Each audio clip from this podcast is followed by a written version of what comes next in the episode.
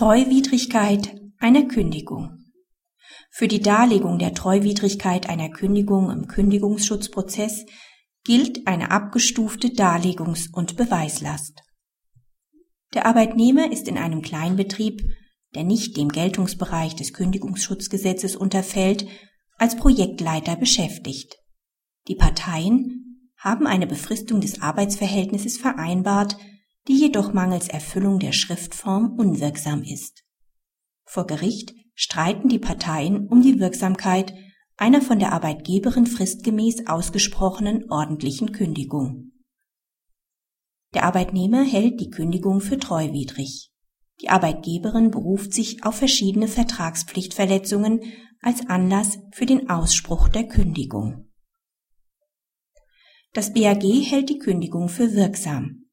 Da die vereinbarte Befristung formnichtig ist, konnte das Arbeitsverhältnis auch vor dem vereinbarten Ende ordentlich gekündigt werden. Da die Bestimmungen des Kündigungsschutzgesetzes im Streitfall nicht anwendbar sind, bedarf die Kündigung keines sie rechtfertigenden Grundes. In der Rechtsprechung ist jedoch anerkannt, dass eine Kündigung, die außerhalb des Anwendungsbereichs des Kündigungsschutzgesetzes ausgesprochen wird, im Einzelfall wegen eines Verstoßes gegen das Gebot von Treu und Glauben unwirksam sein kann. Die Darlegungs- und Beweislast für das Vorliegen von Tatsachen, aus denen sich die Treuwidrigkeit ergibt, liegt grundsätzlich beim Arbeitnehmer. Dessen Schutz ist jedoch durch eine abgestufte Darlegungs- und Beweislast Rechnung zu tragen. Kennt der Arbeitnehmer die Überlegungen des Arbeitgebers nicht, die zu der Kündigung geführt haben, muss er lediglich einen Sachverhalt vortragen, der die Treuwidrigkeit der Kündigung indiziert. Sodann muss sich der Arbeitgeber nach 138 Absatz 2 ZPO im Einzelnen auf diesen Vortrag einlassen, um ihn zu entkräften. Hat der Arbeitgeber bereits einzelne Gründe für den Ausspruch der Kündigung substanziert dargelegt, ist es Sache des Arbeitnehmers, im Einzelnen vorzutragen, aus welchen Gründen die Kündigung dennoch treuwidrig sein soll. Im vorliegenden Fall hat sich der Arbeitnehmer auf den entsprechenden Vortrag der Arbeitgeberin zu diversen Vertragspflichtverletzungen nicht näher eingelassen.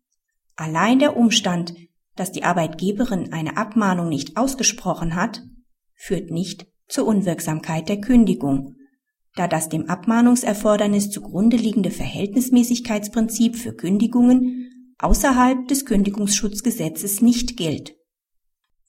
Kritik Die Annahme einer abgestuften Darlegungs- und Beweislast im Hinblick auf die potenzielle Treuwidrigkeit einer Kündigung führt zu einer paradoxen Situation. Solange der Arbeitnehmer irgendeinen schlüssigen Vortrag hinsichtlich der möglichen Treuwidrigkeit der Kündigung findet, muss der Arbeitgeber eine sachliche Begründung für diese liefern obwohl er dazu mangels Anwendbarkeit des Kündigungsschutzgesetzes an sich nicht gezwungen ist. In der Praxis ist dies vor allem für Probezeitkündigungen relevant, die in Unternehmen aller Größenordnungen auftreten können. Bei einem entsprechend geschickten Vorgehen der Arbeitnehmerseite könnte es nun vermehrt zu einem faktischen Begründungszwang für derartige Kündigungen kommen, der vor allem im Hinblick auf eine mögliche Anhörung des Betriebsrats für die Unternehmen risikobehaftet ist. In der Praxis werden dem Betriebsrat bei Probezeitkündigungen nur in den seltensten Fällen mögliche Kündigungsgründe mitgeteilt